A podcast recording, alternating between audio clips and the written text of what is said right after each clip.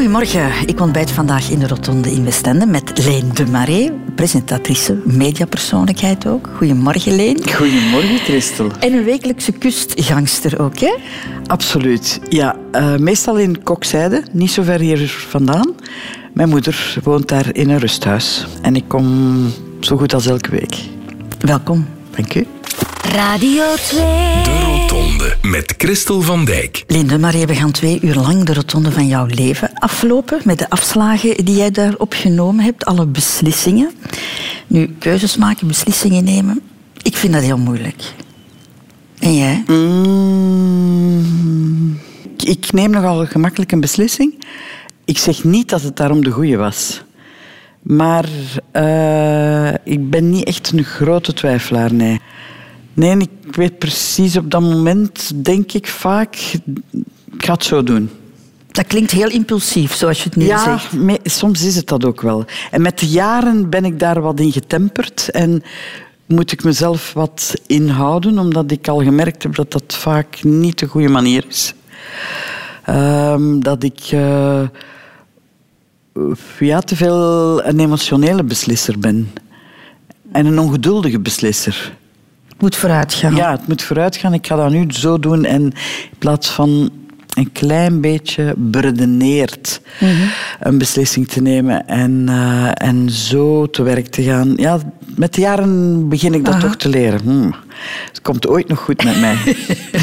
nu, soms worden keuzes ook wel eens uh, voor jou gemaakt. Heb je niks in de pap te brokken? En dan kan ik al verwijzen heel kort naar... Hè, naar jouw ontslag bij Joe, iets waar jij niet, niet voor gekozen hebt. Um, hoe reageer jij meestal op dingen die, die, die jou overkomen? Tegenslagen, teleurstellingen? Ik kan daar um, emotioneel, maar toch beredeneerd emotioneel op reageren. Nu hier op, ik heb hierop ja, behoorlijk emotioneel gereageerd. Voor mijn doen toch. Maar ik heb mij heel snel herpakt. Want maar ik, heb het over in het algemeen. Ja, in het algemeen. Dingen die, die, die, die tegenvallen. Ja, nee, ik ben nogal... Ik, ik krabbel heel, heel vlug recht. Heel vlug. Een beetje de theorie van de ene deur wordt gesloten ja, en de andere gaat open? niet, ik, niet met die theorie in de hand. Die, deur, die andere deur is eigenlijk nog niet open. Of ik sta al wel terug recht, omdat ik... Ja, ik ben nogal een overlever. En ik kan... Ja, ik zal, mij, ik zal vallen en ik zal mij ellendig voelen, maar dat gaat nooit heel lang duren, nee. Mm. Voor die andere deur open is, zal ik al terug recht staan. Dus je hebt heel veel veerkracht eigenlijk. Ja, eigenlijk wel, in het ja. leven. Ja. Mm, dat is goed. Ja. Dat, is, dat, is, dat is positief. Ja, ik heb dat wel, ja. Leen, uh, als bekend persoon heb je uiteraard een Wikipedia-pagina. Hè?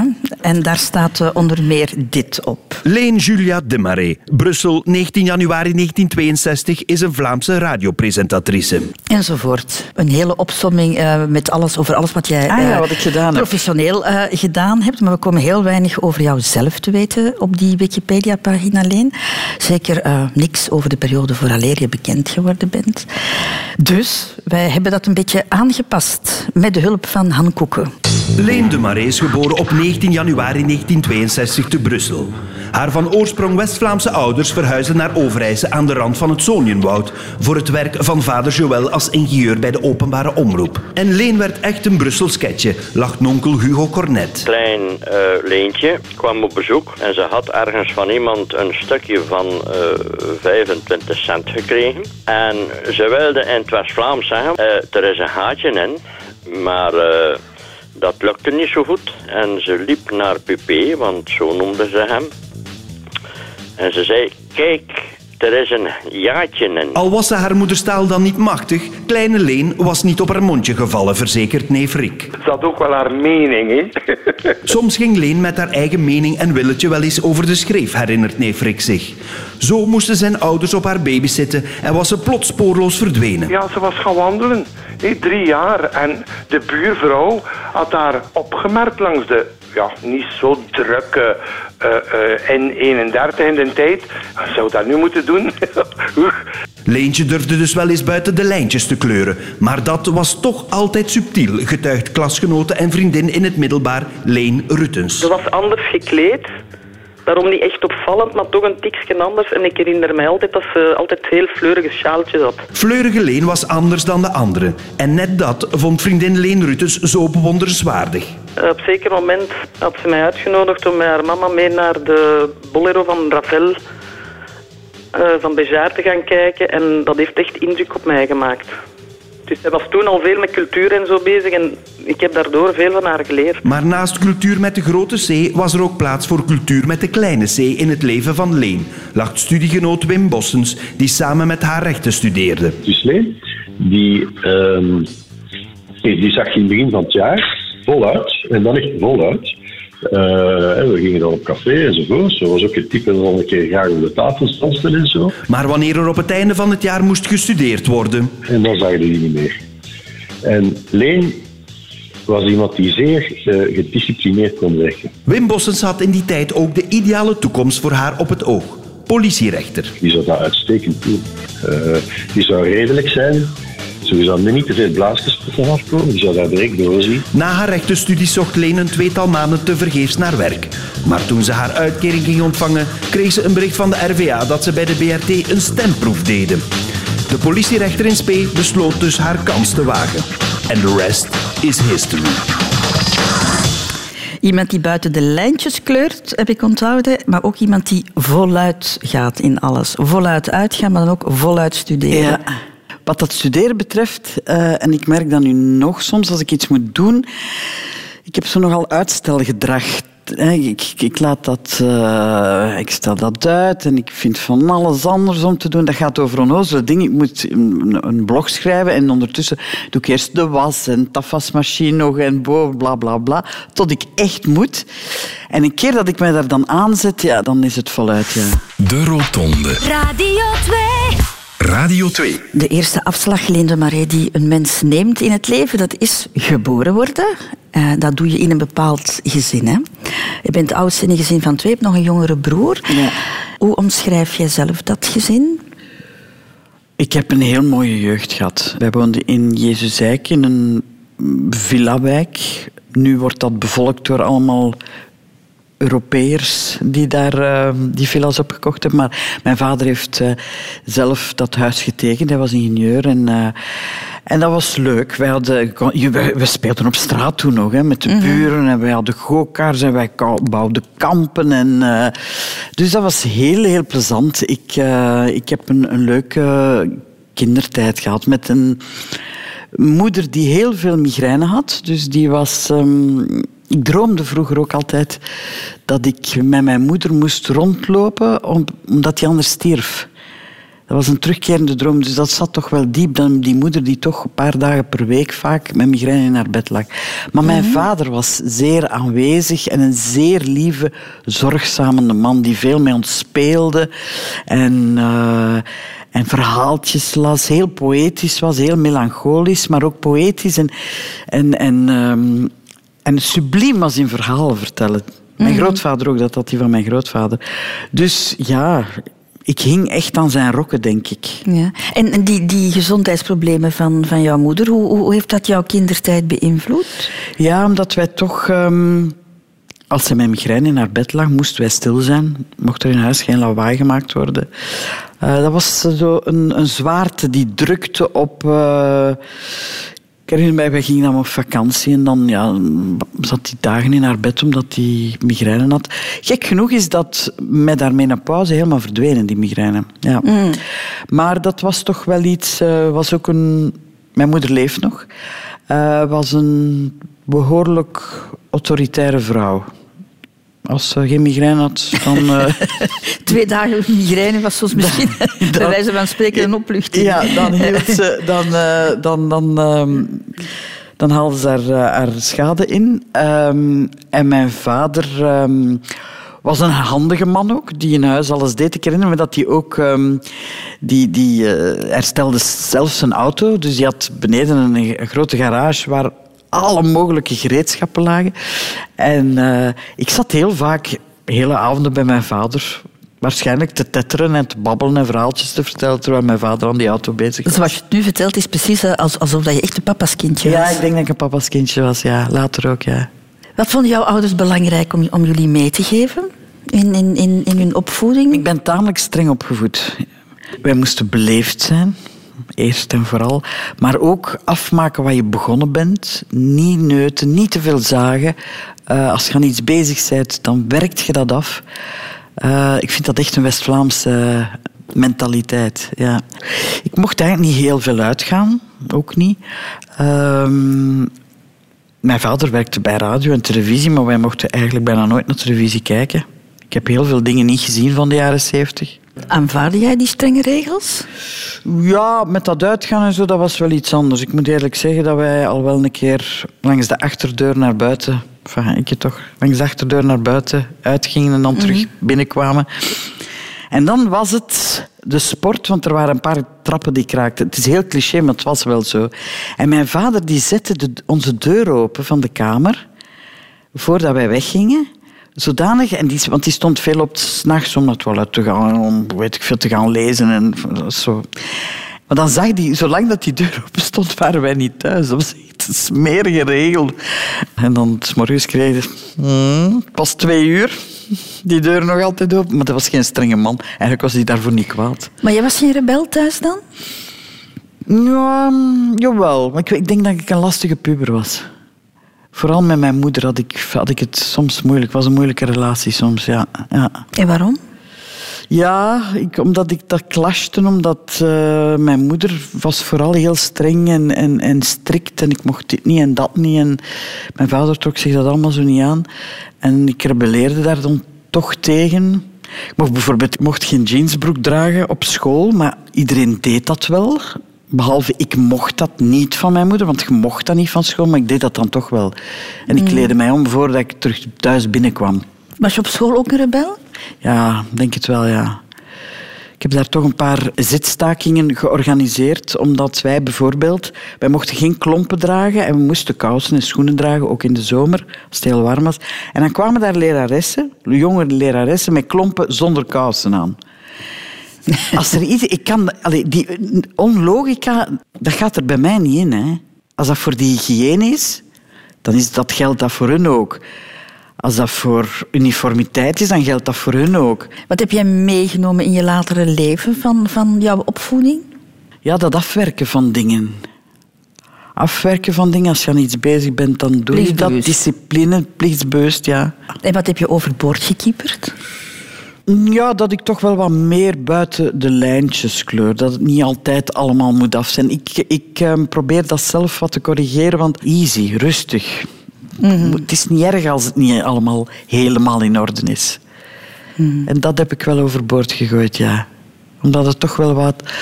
Het is wat rustiger, het leven, als het niet allemaal zo moet, moet, moet. Hoe belangrijk was school bij jou thuis? Voor mijn ouders was dat zeer belangrijk. Goede goed punten rapport, halen, ja. goed rapport halen, hard werken. Ook doen wat leerkrachten zeggen. Ik, ik herinner mij niet dat ik ooit gelijk gekregen heb ten nadele van leerkrachten die dan ongelijk hadden. Nooit. En ik sta daar eigenlijk nog altijd achter hoor. Als ik nu verhalen hoor van. Ik heb nogal wat vriendinnen in het onderwijs die zich vooral bezighouden met ouders die komen klagen omdat hun kind gelijk heeft. En, bon.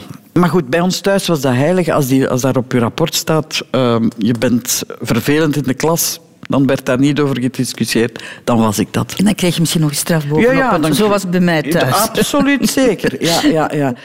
En voor mij was school belangrijk. Ja, eigenlijk in de human, humaniora tot het derde jaar. ehm, goh, niet, hè. ik hield me daar eigenlijk niet mee bezig. Ik hield me bezig met uitgaan en ik werkte absoluut niet hard genoeg. En ik was ook niet slim genoeg om er dan door te zijn. Met als gevolg dat ik blijven zitten ben. En dat heeft echt mijn ogen geopend. Ik ben dan blijven zitten. En dan is de rest van mijn humaniora eigenlijk ehm, ja, van een lei een dakje gelopen. Ja. Je gaat dan daarna eh, rechten studeren, maar daar heb je eigenlijk niks mee gedaan. Want twee maanden na jouw diploma eh, krijg je van de VDAB te horen dat er een, een, een stemtest is bij, bij de radio. Ja. Ehm, maar ehm, ik was ook, je hebt het Wim Bossen horen zeggen, een goede politierechter geweest. Ik heb dat ook al gezegd. Echt. Mocht ik mijn leven moeten herdoen, ik zou dat Is doen. waar? Ja, ja, ja, absoluut. Maar je bent dan hè, bij de VRT begonnen, eerst bij, bij Radio 1. Uh, dan was je nog relatief onbekend. Hè, maar Ja. eh, het is eh, allemaal voor jou echt begonnen toen je in 92 naar Radio Donna ging. hè, De start van Radio Donna. Ja. Een aanbieding die op tijd kwam voor jou? Ja, want ik heb toen, eh, ik herinner mij dat. eh, het was eigenlijk een beetje, nou niet echt uit frustratie, maar initieel wel. Ehm, Betty Mellaert ging weg op de middag en daar werd een vervanging eh, voor gezocht, iemand anders. En ik, had daar een, ik heb daar een proef voor gedaan en ik had op zeker moment de indruk dat, dat ik, ik wou dat heel graag doen. En dat ik dat zou worden, maar dat is toen iemand anders geworden. En ik was toen verschrikkelijk ontgoocheld. En, eh, en op dat moment begon Radio Donna en werd er gepost of ik geen zin had om naar daar te gaan. En in die zin was dat eigenlijk het juiste moment, ja. Dat is wel wat geweest, hè? want je bent daar al heel snel het boegbeeld hè? Van, van, van die zender. Eh, daardoor kom je ook op televisie en word je echt een, een, een bekende Vlaming. Ja, dat was heel raar. Ik vond dat heel raar, ja. Ineens was ik zo talk of the town en, en ik kon geen humo meer openslaan of ik stond daar wel met een sneer meestal in. Was bijna nooit positief, toch zeker niet uit die kanten. Ehm, en ook dat iedereen mij herkende. Ik woonde in Brussel, hè, dus ik was dat eigenlijk niet echt gewoon. En dan, als ik, ik ging dan gaan winkelen in Antwerpen of, of ik kwam naar West-Vlaanderen, naar mijn ouders, en dan herkenden mijn mensen mij allemaal en dan hadden die een mening over mij. Oh, ik vond dat heel raar. Ik heb daar heel lang echt, dat klinkt nu misschien raar, maar ik heb daar echt lang mee geworsteld. Dat ik echt niet wist wat mij overkwam. Ik heb daar moeten mee leren omgaan, ja. Maar goed. Ja, want je hebt er wat over je heen gekregen, inderdaad. Hè? Ja. Eh, ergelijkste radiopersoonlijkheid Ja, in de, in de, in de Ja, ja, eindejaars... Ja, eh, ja, ja, en zo was dat eigenlijk. de- ja, ja, ja. Maar ja, hoge bomen vangen veel wind zeker, ik weet het niet. Maar ik moest daaraan wennen, maar dan op een zeker moment begin je dat te relativeren. Hè. mhm. Maar klopt het dat je op een bepaald moment daar toch met iemand over bent gaan praten? Ja, ja, ja. Ik heb toen eh, een paar keer... Ik denk niet zo heel lang hoor. Ik denk zo een, een paar maanden ben ik eh, bij een psychiater geweest. Eh, om dat even allemaal te plaatsen. Maar een keer, die heeft mij geweldig geholpen. Want ik, zeg, ik denk dat ik daar maar drie of vier keer naartoe geweest ben, of vijf keer. En die heeft dat kunnen plaatsen. En dan kon ik dat voor mezelf ook. Dan zag ik hoe het mechanisme... Dat is eigenlijk mijn mechanismes, hè. Zo, mensen doen dat omdat. En het is ook hun job. En een keer dat ik dat door had, dacht ik... Oké, is goed. Ik heb het door. Maar heb je ook een beetje genoten van die bekendheid? Ja, absoluut. Ehm, alhoewel dat ik dat vaak niet echt door had. Ik heb bijvoorbeeld ook nog altijd niet, niet door als ik over straat loop, mensen die naast mij lopen zeggen: Ja, die heeft u herkend. Ik zeg: Ah ja? Ik denk dat ik een mechanisme ook ontwikkeld heb om daar eigenlijk niet, geen rekening mee te houden. En om, eh, maar ik heb daar natuurlijk van genoten, omdat er waren bijvoorbeeld in de Swingpaleistijd, maar ook in de Donna-tijd, als ik dan, ik zat dan ook, ik had dan ook, eh, ik zat dan ook op televisie met mijn programma, en kwamen er heel veel toffe reacties ook van mensen. Mensen waarbij, waarbij dat je eigenlijk een stuk van het meubilair geworden bent, zeg ik vaak. En die u graag zien, die u echt graag zien en graag hebben. En, en die... ehm, die, daarom voel ik nu ook zo met dit ontslag dat die emoties zijn vaak heel emotioneel. En, allee, en vanuit zichzelf, van maar allee, ze nemen mij hier iets af. Ze nemen mij hier een stuk van mijn meubilair af. En in die tijd voelde ik dat ook zo vaak. En dat was wel Mhm. plezant, ja. Linde Marais, je zat eh, bij Radio Donna. Je had daar fijne programma's. Hè? Eh, je kwam op televisie. En toch neem jij in 2006 een, een, een, een heel drastische beslissing. Jij besluit om de VRT te verlaten en naar 4FM te gaan. Ja, het is, een moeilijke, het is toch een moeilijke beslissing geweest. Is dat daar zo comfortabel? Ja. Ja, dat is een beetje raar gelopen. Ik deed toen eh, de ochtend op Donna. En ehm, ja, ik, ik zag dat niet meer goed zitten om die ochtend te doen, want ik vond dat verschrikkelijk zwaar. Ehm, ik ben in die periode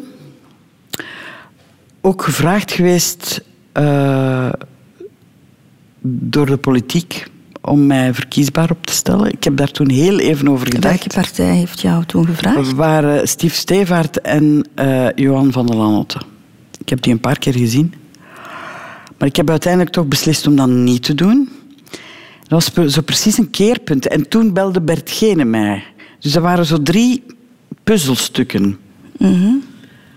Maar je En- was toe aan iets nieuws. Ik was toen aan iets nieuws en op dat moment, want ik ben toen ook wel binnen VRT gaan horen, ik wou eigenlijk wel naar Radio 1, maar er was geen plaats voor mij. En, en het was, ja, die, al die stukken bij elkaar maakten dat ik dacht, ja, weet je, ik ga dat gewoon doen. Maar had er toen wel iets bij Radio 1 geweest, dan was ik nooit weggegaan. Was het financiële ook een, een factor? Heeft dat meegespeeld? Ja, maar mm, eh, ik verdiende meer. Uiteraard, je gaat naar een commercieel station. Maar nu niet van die orde dat, dat, dat je denkt van wauw, dat kan ik hier niet laten. Nee, ik, ik denk, nee, ik ben zeker, dat heeft niet de doorslag gegeven. Was mooi meegenomen, maar het was eerder het gevoel van ik zit hier zo wat vast. Ik kan hier precies geen kant meer uit. Niemand heeft hier ook een plan met mij. Ehm, als ik al zelf een plan heb, ja, dan, gaat, dan stuit dat tegen een muur. Dus ik zat een beetje vast. Of zit er ook een soort van ongeduld in, in jou? Ja, maar dat ook, kijk. Dat is het natuurlijk ook. Hè. Het is dat wat ik helemaal aan het begin van het programma zei. Toen was dat ook, ja, het moet hier en nu moet er iets gebeuren. In plaats van even te wachten. en rustig leen. Het, er zal, het zal wel goed komen. Nee, nee, nee. Dat was dan weer, het moet hier en nu gebeuren. Maar als er te veel routine in zit, wordt het voor jou misschien ook te saai. Jij wil Ja, misschien wel eens uit die comfortzone. Misschien wel, ja. Ja, maar ook Donna, ik had het gevoel dat Donna liep toen ook op zijn einde. Hè. Dat het wel ten eerste voor mij wat gedaan was. Ik vond ook dat Donna wel wat misschien eh, een serieuze nieuwe boost nodig had. Ik dacht, is dat dan nog wel mijn plaats daarin? Dus ik, ik, ik had het gevoel dat ik wel aan iets anders toe was.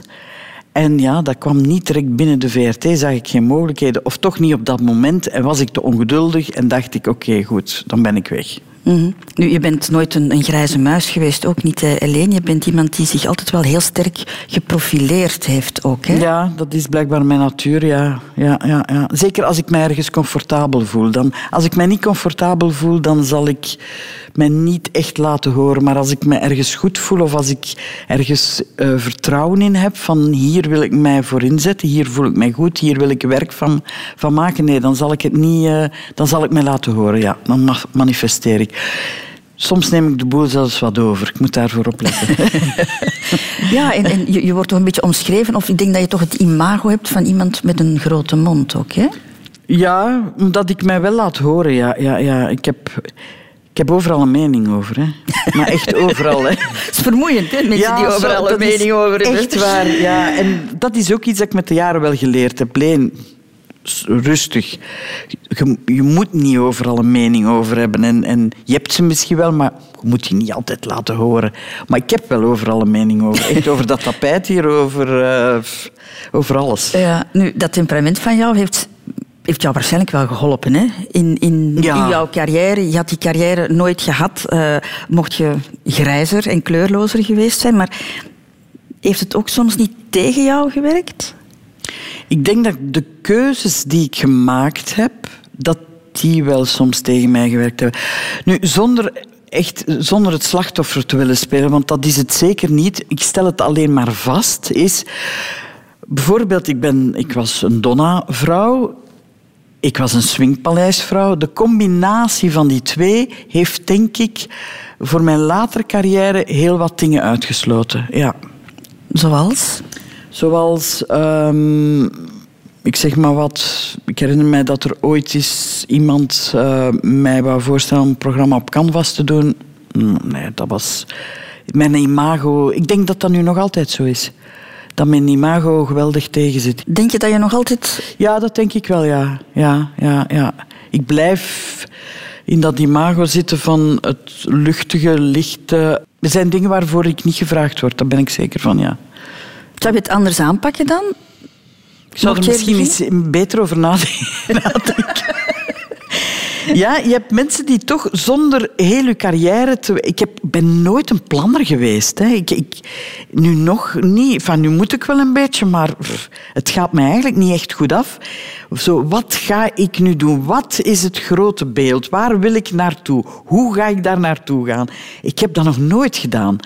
En dat vroeger ook niet. Ik denk dat er mensen zijn die aan het begin van hun carrière denken: oké, hoe ga ik dat hier aanpakken om tot dat punt te komen? Nee. Oké, Donna is daar. We gaan dat doen. Zonder misschien na te denken: is dat hier nu de goede stap? Misschien moet ik even wachten als ik echt op Radio 1 wil blijven. En... Dus ehm, ik zou het anders aanpakken. Ik denk dat ik toch wel over een paar dingen. Ik zeg niet dat ik daarom andere keuzes zou maken, maar misschien toch over af en toe iets wat beter nadenken. Ja. Iets minder profileren? Iets minder profileren, iets minder impulsief zijn ook. Ja. Radio 2. De Rotonde. Eind juli, Linde Marie, kreeg je van je baas te horen dat er binnen Joe geen plaats meer was voor jou. Ontslagen, met andere woorden. Dat is via een, een kort en een heel zakelijk persbericht gecommuniceerd.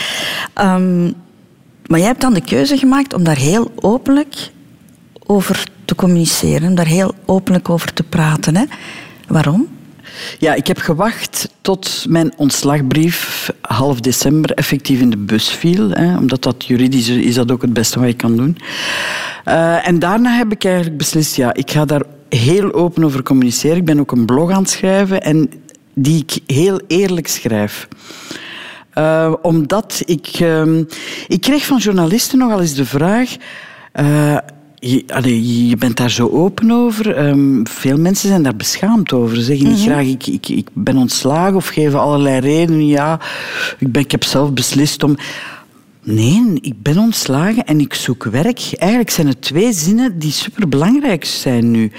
Um, ik heb te horen gekregen dat ik iets wat ik al heel mijn leven doe, niet meer mag doen. Dat Mhm. is traumatisch, tussen aanhalingstekens. En ik moet een nieuwe job vinden. Um, en dat overkomt heel veel mensen. En heel veel mensen op mijn leeftijd. Mhm. En ik uh, heb het gevoel... Um, ik heb een stem. Dat klinkt misschien idealistisch, maar ik voel het echt zo. Ik heb een stem en ik heb het gevoel dat ik die moet gebruiken om mijn onvrede daarover te uiten. Over wat er nu gaande is. We moeten allemaal langer werken. Stond vorige week ook nog in de krant, die uh, staat in de regeringsverklaring. De, het aantal werklozen moet naar beneden. En daar moeten ook 50-plussers bij helpen. Die moeten meer aan het werk worden gezet. Maar we worden wel ontslagen en werk vinden is moeilijk. Mm-hmm. Ja, dat is weer die logica bij mij. Als, die niet, als, dat niet, als iets niet logisch is, dan, dan verzet ik me daartegen. Ik kan daar niet tegen. Ik denk van, sorry, maar wat mis ik hier in heel die redenering? Mm. Je hebt al gezegd ik, dat je heel dikwijls impulsief uh, reageert. Heb je hier heel erg over nagedacht? Ja. Van, ik ga dit doen? Ja, ik heb hier echt over nagedacht. Maar ik word toch zeker moment... dat de goede kant uit. Komt nog goed. uh, ja, ik heb, omdat ik uh, ook bij mijn ontslag zelf... Ik heb niet impulsief gereageerd. Ik heb echt tegen, mij, tegen mezelf gezegd, rustig blijven. Ik ben ook nog blijven werken. Tot eind november. Mm-hmm. En ik heb heel vaak tegen mij, mezelf gezegd... Want ik kreeg ook heel veel journalisten in het begin die mij belden. En ik zei, nee, ik ga nu niks zeggen. Ik heb dat ook niet gedaan. Dus ik heb echt heel goed nagedacht hoe, ik dat, hoe dat ik dat ging aanpakken. Ja, ja. Je zei daarnet, sommige mensen zijn beschaamd erover. Een onterechte, bes, on, een onterechte beschaamdheid. Ja. Heb je dat ook even gehad in de zin van... Nee. ik heb iets verkeerd gedaan, Nee. zal aan mij liggen? Nee. Ja, wel, het zal wel... Ja, het, het niet weten, uh, de ongerustheid van... Oké, okay, ben ik niet meer goed genoeg? Uh, maar ik was daarover niet echt beschaamd. Ik verstond het niet goed, ik begreep het niet. Maar je, je twijfelt wel geweldig aan jezelf, even. Absoluut. Zo van, wauw, ze moeten mij niet meer hebben. Ik ben, ik ben voor niks meer goed binnen radio hier, want ze kunnen mij niet meer gebruiken. Maar had je het al niet voelen aankomen, Leen? Ik, mm, ik had voelen aankomen, dat was mij ook zo gecommuniceerd, dat ik niet meer ehm, geen programma's ging mogen presenteren. Dat ging gedaan zijn. Tussen hier en zoveel jaar. Maar ik dacht wel dat er nog een rol voor mij achter de schermen ging weggelegd zijn. En daar had jij in kunnen Ja, vinden? eigenlijk wel, ja. ja. Maar dat bleek dan eh, ook niet. Het is eigenlijk vooral dat. Zo, we kunnen u niet, we kunnen u, u niet meer gebruiken op, op, eh, op de radio. Ja, dat was, dat was moeilijk, ja. Maar ondertussen zes maanden geleden, dus ik heb al zes maanden tijd, want ik zie nu mensen... Het was in het kader van een collectief ontslag ook, hè, voor alle duidelijkheid, op eh, DPG Media. En ik, eh, ik zit in een outplacement, dus ik zie mensen die in dezelfde situatie zitten als ik. En daar zijn toch wel wat mensen bij die het nog veel moeilijker hebben daarmee. En ik herken mij natuurlijk zoveel maanden geleden. Ja, dat is echt... dat is iets heel emotioneel dat op u afkomt. Hè. Dat is een rouwproces toch ook, denk ik. Hè? Ongelooflijk, ja, ja, ja. Ja, want je verliest veel alleen. Je, verliest niet alleen je job, je, maar je verliest ook financiële zekerheid. Ja. Wat toch ook, kan ik mij voorstellen, beangstigend Ja. is. En op 58, poeh, ik leef alleen. Ik heb nog een huis af te betalen. Ja, dat was... Ik dacht, wauw, wat, doet wat doen ze mij hier aan, zeg? Je verliest ook collega's. Je verliest structuur. collega's, je verliest ook je werkomgeving. Van, elk, van elke dag of, of een paar keer in de week toch al naar gelang eh, de weken. Van daar naartoe te rijden, van koffietjes te gaan halen, van, eh, van te babbelen met mensen. Ehm, ja, verlies je allemaal, ja. Structuur ook misschien? Structuur, alles. Ja, het moet allemaal opnieuw ingevuld worden. En het is echt het grote... Kijk nu naar de zee, het is zo'n beetje als die zee. Hè. Ook mijn gedachten komen, komen op mij af en gaan terug weg. En Nu, jij bent sterk, maar ik kan me voorstellen dat mensen in, in zo'n situatie wel in een heel negatieve spiraal... Ja, ja, ja, ja. ja. Eigenlijk kan ik mensen aanraden, wat ik gedaan heb, dat is daar heel open over spreken met mensen dat je graag ziet.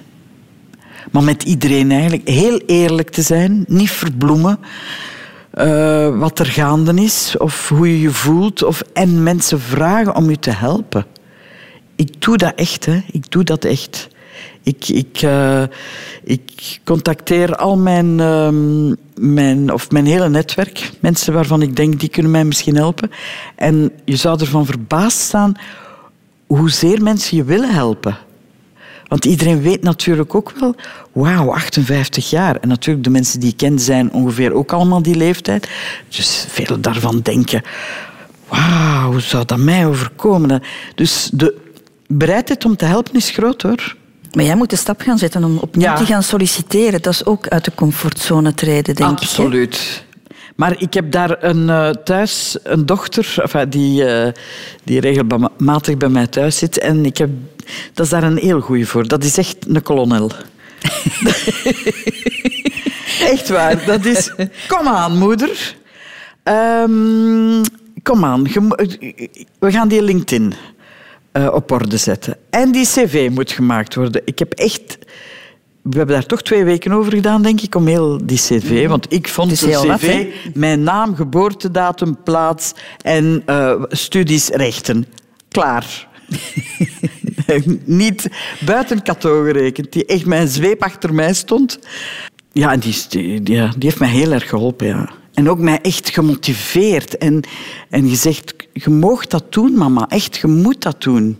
Is jouw bekendheid een voor- of een nadeel, denk je, in dit geval? Ja, dat weet ik eigenlijk niet goed. Ik, zou, ik, krijg ik krijg wel wat mailtjes van mensen die, die zeggen... Ja, misschien moet je dat doen, of misschien kun je dat, of misschien is dat een idee. Of, eh, maar langs de andere kant ja, weten mensen precies, of denken te weten, wat ik kan. Namelijk radio maken. Dus als ik voor iets solliciteer dat buiten dat radio maken ligt... denk ik dat misschien al vlug gaat gezegd wordt... Ja, maar die heeft daar helemaal geen ervaring in. Nee, dat is natuurlijk ook wel zo. Ik heb alleen maar ervaring in 33 jaar radio maken. En waarvoor heb je al gesolliciteerd? Ehm, ik heb al vooral voor eh, jobs in de communicatieve sector. Eh, ik weet, maar daarvoor heb, heb ik die outplacement ook nodig. Hè. Ik heb dat tegen de mensen van outplacement gezegd. Ik verwacht hier veel van in de zin dat ik wel een paar van mijn kwaliteiten weet. Namelijk, ik ben een enthousiast iemand, ik ben, eh, ik ben communicatief, eh, ik ben creatief. Maar zet dat maar eens om in een job of in weten welke job je daarmee kan doen. Ik weet het nog altijd niet. Maar daarvoor moeten die mij helpen. Radio 2. De familie. Dit is Radio 2. De meest persoonlijke afslagen in het leven, Linde Marais, dat eh, zijn de liefde en de keuze voor wel of geen kinderen. Ehm, zullen we bij de liefde beginnen? Oh nee. Oh, toch, het kan mooi zijn. Je was een laadbloeier, heb ik ooit gelezen. Klopt dat? Ja. Ja, allee, het is te zeggen, jongens interesseerden mij misschien al mijn 14, 15, maar zo echt de grote liefde, ja, ja, ja. Ik ben ook ik ben niet gehopt van, de ene, van het ene lief naar het andere. Nooit in mijn leven, nee. En ook heel jong begonnen. Hè? Je bent van je twintig tot je dertigste met, met iemand samen geweest. Ja. Hè? Zo Een go- een goede tien jaar toch met de papa van, ja, van jouw ja, dochter? Ja, Lang, ja. hè? Ja, ja, absoluut. En dan is daar weer een hele periode tussen. Dus ik ben eigenlijk al heel veel periodes echt alleen geweest in mijn leven. Ja. Mhm. Ik ben niet van de ene naar de andere eh, gegaan, omdat ik... Ja, omdat ik die niet tegenkom, om- maar ook omdat ik graag alleen ben. Omdat ik goed alleen kan zijn. Maar de papa van Cato, daar ben je tien jaar Ja. mee samen geweest. Waarom ben je weggegaan, Leen, als ik dat mag vragen? Wat, wat, wat, wat? Ja, liep omdat... ehm, goh, het is moeilijk om te omschrijven, want ik kom daar eigenlijk nog altijd heel goed mee overeen. Maar ik zie ook waarom dat, dat niet ging. Ja, maar zonder daar te veel in detail. Maar Hoeft niet, Het is een, nee. een, een, een zeer gesloten iemand, wat heel mooi is, maar kon daar op den deur niet meer mee overweg. Mhm. Met die geslotenheid, wel met de man zelf.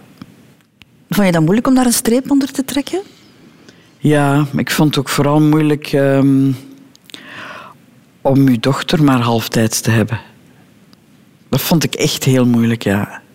Dat heeft toch een jaar geduurd. Voordat, dat, voordat je daar... Enfin, bij mij toch. Heeft het een jaar geduurd voor ik daar de voordelen van inzag. Als die bij mij is, dan ben ik daar fulltime voor. En anders kan ik allerlei dingen doen die ik niet kan doen als je een klein kind hebt. Maar dat is eigenlijk goed uitgedraaid in de zin van... Cato heeft daar... Ja, die heeft het daar... Toen ze klein was, ik herinner me dat ik op zeker moment... Dat hij begon te wenen als mij, die was vijf jaar of zo. En dat ik echt aan de kant van de weg moest gaan staan om maar uit te leggen eh, dat wij niet meer samen waren. Maar dat, heeft, ja, dat is eigenlijk heel goed gegaan, omdat we hebben nooit ruzie gemaakt. Eigenlijk heeft dat kind altijd voorop gestaan van hoe moeten we hier nu handelen in, zodanig dat zij het goed zou hebben. En eh, ja, dat is goed uitgedraaid. En die beslissing is een, is een goede beslissing geweest. Ja, ja. ja. ja. Maar een vaste verbintenis, je hebt er opnieuw voor gekozen, toch? Want je bent dan getrouwd, Een hè? paar keer, ja, daartussen heb ik dan nog iemand gehad, eh, tamelijk lang. En dan ben ik getrouwd geweest, ja. Eh, maar dat is te snel gebeurd. Want eigenlijk wou ik nooit trouwen in mijn leven. Ik, ben, ik was nog nooit getrouwd. Ik zag daar totaal het nut niet van in. En ja... pff. Eh, nee, dat was, veel te, dat was een impulsieve... Enfin, wat mij betreft toch eh, een impulsieve beslissing, ja. Mhm. En dan moet je daar weer een streep onder trekken. Ja, dat vond ik ook heel traumatisch. Ik vond dat vooral oh, naar die rechtbank gaan en scheiden. Oh, ik vond dat verschrikkelijk. Ik vond dat echt... Het idee dat dat niet gelukt was, vond ik niet leuk. Ik vond dat geen tof idee. Ja? Nee, ja. Ja, ik ben... Zie, ik ben zo opgevoed van... Je doet iets en, en, en zorg dat het, dat het marcheert. En je maakt het af en dat heb je niet kunnen ja, afmaken. Ja, ja, en ik heb dat niet kunnen afmaken. En dat was, maar dat was enfin, geen optie om dat verder te zetten. Maar ik was daar toch niet goed van. Mhm. Ja. Ik ben ook een paar keer opnieuw moeten beginnen, Leen. Ehm, ik vind dat wel moeilijk. Het is moeilijk, hè? Ja. Afstand nemen, eh, afscheid nemen en, en dan Ja, en ik toch- had het de laatste keer ook, want ik moest, we hadden samen een huis gekocht. Ik kon dat huis niet alleen houden. En ik ben eigenlijk al heel veel verhuisd in mijn leven. Ik denk al twaalf keer of dertien keer of zoiets. En ik moest weer uit dat huis, want ik kon het niet alleen houden. En ik kocht een ander, kleiner huis. En dat... Dus ik verhuisde naar dat kleiner huis en ik, die eerste veertien dagen, dat was verschrikkelijk.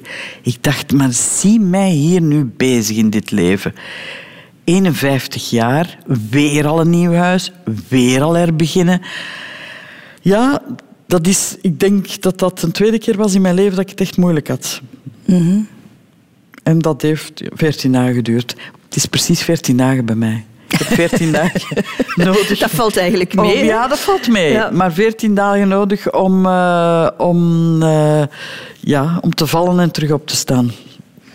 Op dit ogenblik ben je alleen, eh, Leen. Ja. Ehm, is dat voor jou misschien een manier die het best bij jou past? Ja, ik denk het eigenlijk wel. Ik begin dat te geloven. Ja? Ja? wil niet zeggen dat ik eh, niet af en toe iemand mis, hè, want er zijn, ja, er zijn toch momenten waarop je... Bijvoorbeeld nu met dit ontslag dacht ik, het zou toch wel tof zijn om zo af en toe wat te sparren met iemand. Je komt thuis en die alles een beetje in perspectief zet. Maar ik heb heel veel echt goede vriendinnen en vrienden waar dat, die, die dat mij wel met mij doen en die ook eerlijk zijn en mij eh, terugfluiten als ik ehm, iets te veel zelfbeklag heb en zo. Ehm, dus daarvoor, ik vind, ik, ik mis af en toe ook wel iemand, dat klinkt nu heel praktisch, maar vakanties, dat is iets waar dat ik... Oh, ik dacht dat je ging zeggen om eens iets te boren of zo. Dan, Ah dat ja, zou ik iets dan te boren, missen. ja, maar daar vind ik nog wel iemand voor. Maar vakanties, dat is ook niet evident, vind ik. Eh, of zo een weekend weggaan. Of, ehm, ja, daarvoor zou ik nu wel graag een lief hebben. ik vind het ook niet altijd gemakkelijk om ergens alleen toe te komen. Ik, heb dat wel geleerd. Niet naar de cinema gaan en zo, naar theater en zo, maar zo ergens alleen binnenkomen en, en dan zo. Maar dat zijn allemaal kleine dingen, hè, want ik zeg het, ik heb veel vrienden en eigenlijk soms heb ik, heb ik ja, zit mijn agenda te vol, vind ik. dat, dat klinkt nu echt raar, maar want ik ben heel graag alleen en ik heb echt mijn rust nodig ook. Soms moet ik echt, als ik een paar dagen niet thuis geweest ben en niet gewoon alleen thuis geweest ben, dan begin ik het te voelen van, ik moet dringend wat alleen zijn. Kinderen, Leen de Marais, stond dat bij wijze van spreken in de sterren geschreven? Dat dat bij jouw levensplan zou horen? Lang niet, want ik ben nu niet... Ik, ik, ja, ik moet een beetje opletten hoe dat ik het zeg. Want ik wou zeggen, ik ben niet de grote kindervriend. Maar tegelijk kan ik eigenlijk heel goed met kinderen overweg. Maar ik ben altijd heel streng tegen kinderen. Maar je bent misschien niet de echte babyvriend. Nee. Kan je het zo misschien omschrijven? Ja. Je hebt ze misschien liever als ze wat ouder zijn. Als, als ze wat ouder zijn, als ik daarmee... Ik moet kunnen redeneren met iemand. En al is dat maar met iemand van vijf jaar, maar toch, er moet al een zekere logica aanwezig zijn, want anders... Ja, zo'n kleine baby, ik heb het daar ook moeilijk mee gehad. Die, Cato was nogal een huilbaby. En wow, die eerste maanden, dat was... Wat is dat hier? Wat smijten ze hier binnen? Ehm, maar je dan bent er even onderdoor gegaan ook, dacht ik. ja, Hè? ja, ja. Ik heb toch wel een postnatale depressie gehad. Maar ik heb nadien ook gehoord dat dat hormonaal is, hè, vooral. En dat dat eigenlijk met een paar maanden wat hormonen bijnemen, dat, je- dat je dat al veel kunt oplossen. Dus als er vrouwen zijn die nu aan het luisteren zijn, die gaan naar hun dokter en spreek daarover. Hè, want dat heb ik toch gedacht nadien, dat had mij wel echt kunnen helpen, hoor. Want hoe, hoe voelde jij het toen? Kan je dat omschrijven? Ja, eigenlijk geen blije moeder hoor, die eerste maanden. Echt niet. Want ik dacht, als er nu nog één iemand belt, was nog mijn vaste telefoon, hè. Als er nu nog één iemand belt om te zeggen dat ik gelukkig moet zijn, echt, die sleur ik door de draad, hè. Want ik ben niet gelukkig.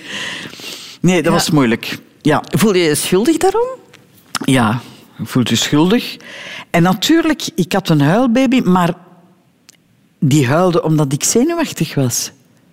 Dus dat was een wisselwerking. Hè? Ik ben daar bijna 100% zeker van.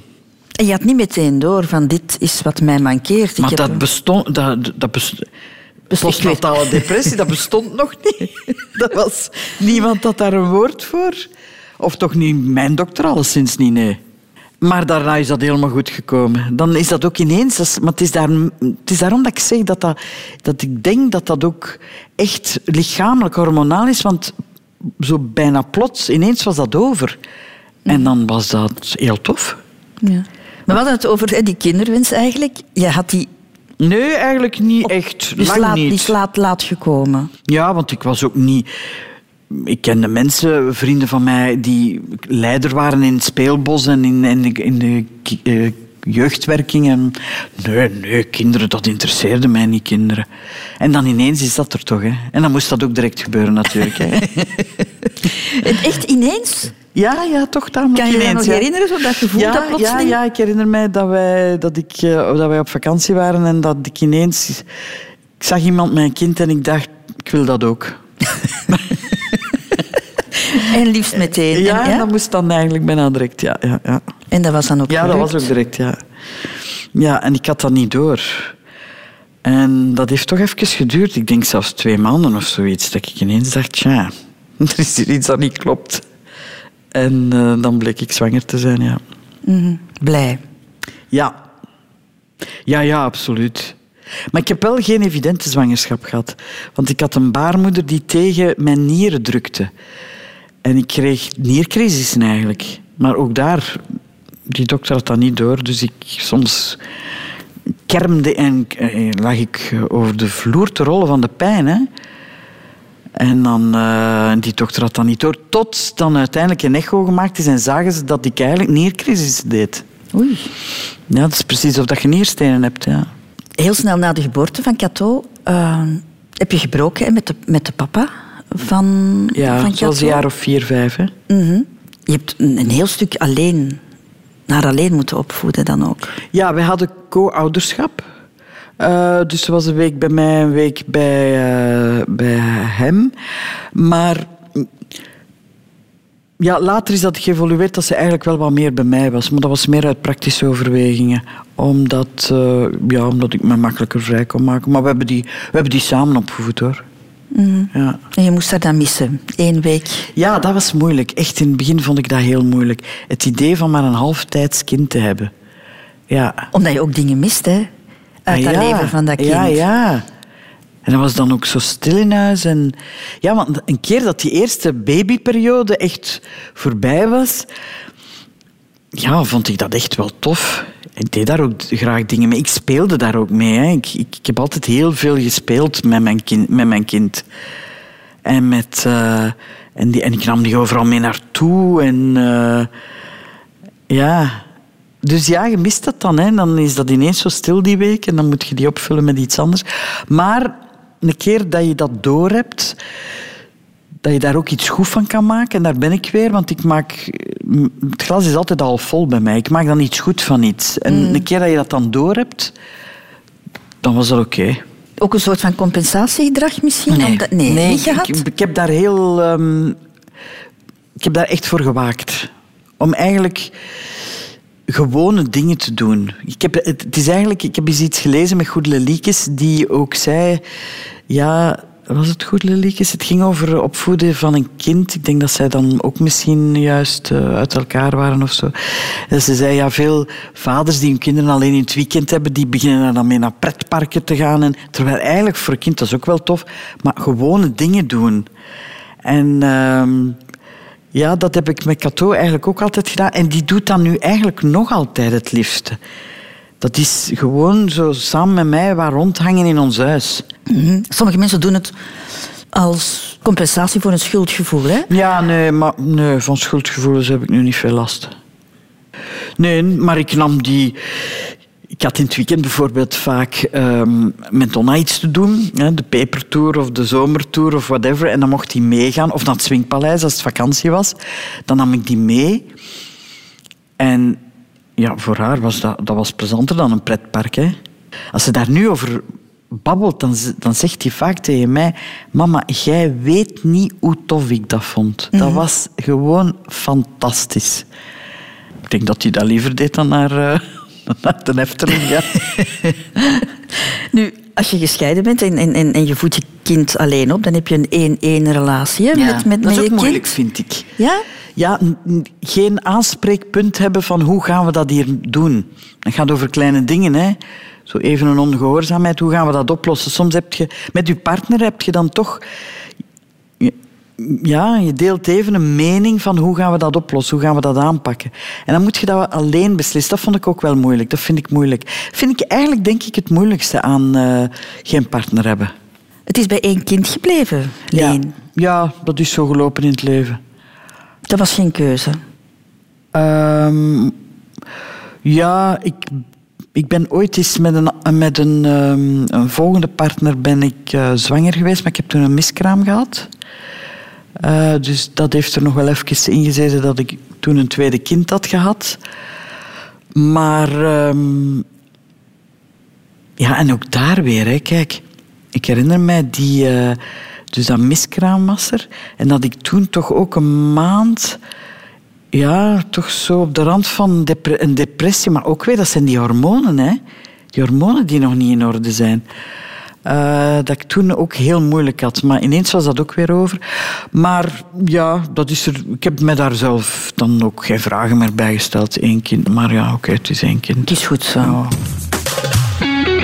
Radio 2. De laatste afslag in het leven, Leen de Marijn. Doodgaan. Hoe kijk jij daarnaar? Ehm, mijn vader is twee jaar geleden, twee jaar en een half geleden gestorven. En sindsdien, ja, ik, ik, ik denk dat veel mensen dat hebben. Als ze één ouder verliezen, zeker als ze er twee verliezen, maar ook als ze er één verliezen, ineens begin je zo je, eindig, je, je eigen eindigheid te zien. Hè? Maar ook de aftakeling daarvoor.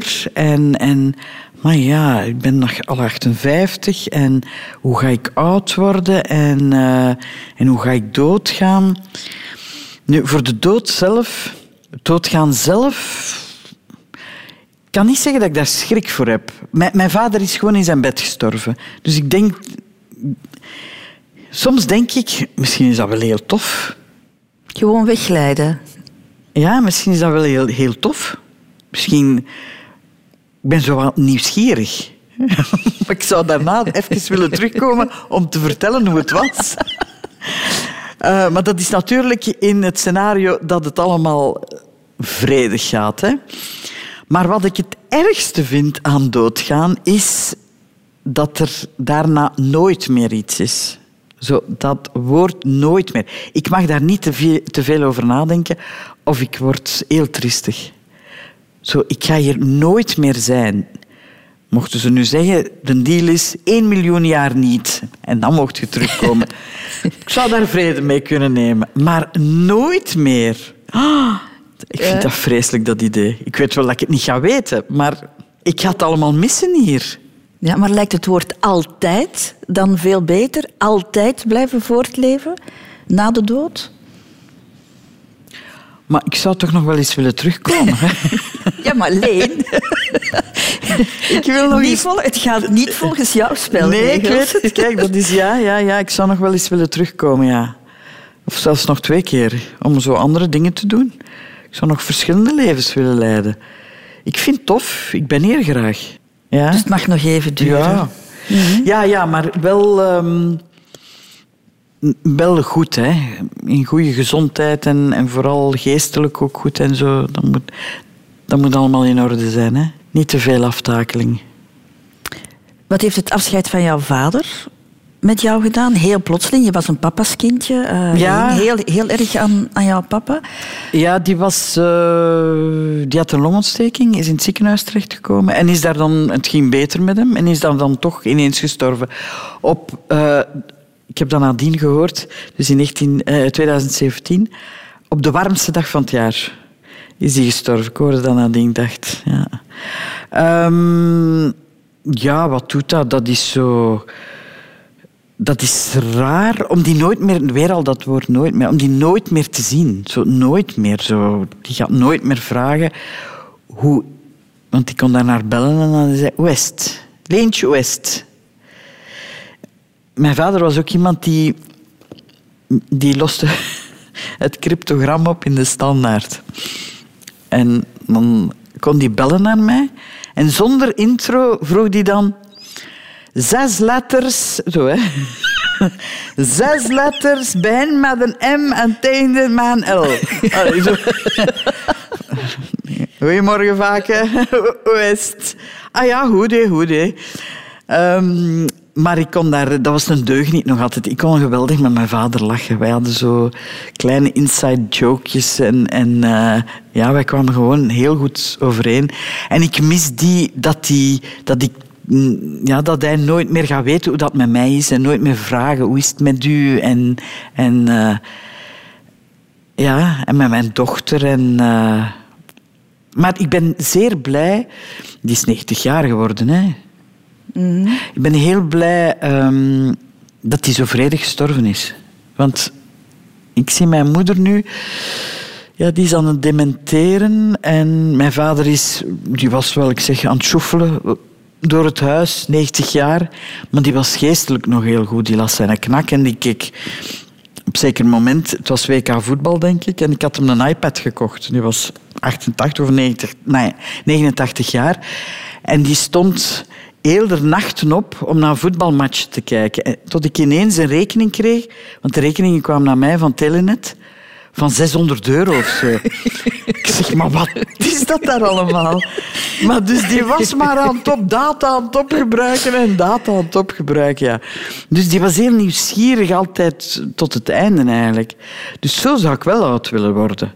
Zo, zo in uw eigen wereldje en van alles lezen en van alles bekijken. En, eh, Maar niet zoals jouw moeder. Nee, nee, nee. Mijn moeder is, ehm, heeft geen notie meer van tijd en ruimte, dus dat is eigenlijk treurig. Die weet nooit meer dat ik langs geweest ben. Die heeft het gevoel dat ze van iedereen verlaten is. Eh, nee, dat zou ik niet willen. Nee. Dus eigenlijk heb je daar ook al afscheid van genomen. In emotionele zin? In, Ja, nee, want ze is nog... Allee, ze herkent mij. Kan, maar, ja, gesprekken, ik kan daar gesprekken mee voeren, maar dat zijn gesprekken eigenlijk... Oude, oudere mensen, zeker dementerende mensen, zijn alleen met zichzelf bezig. Hè.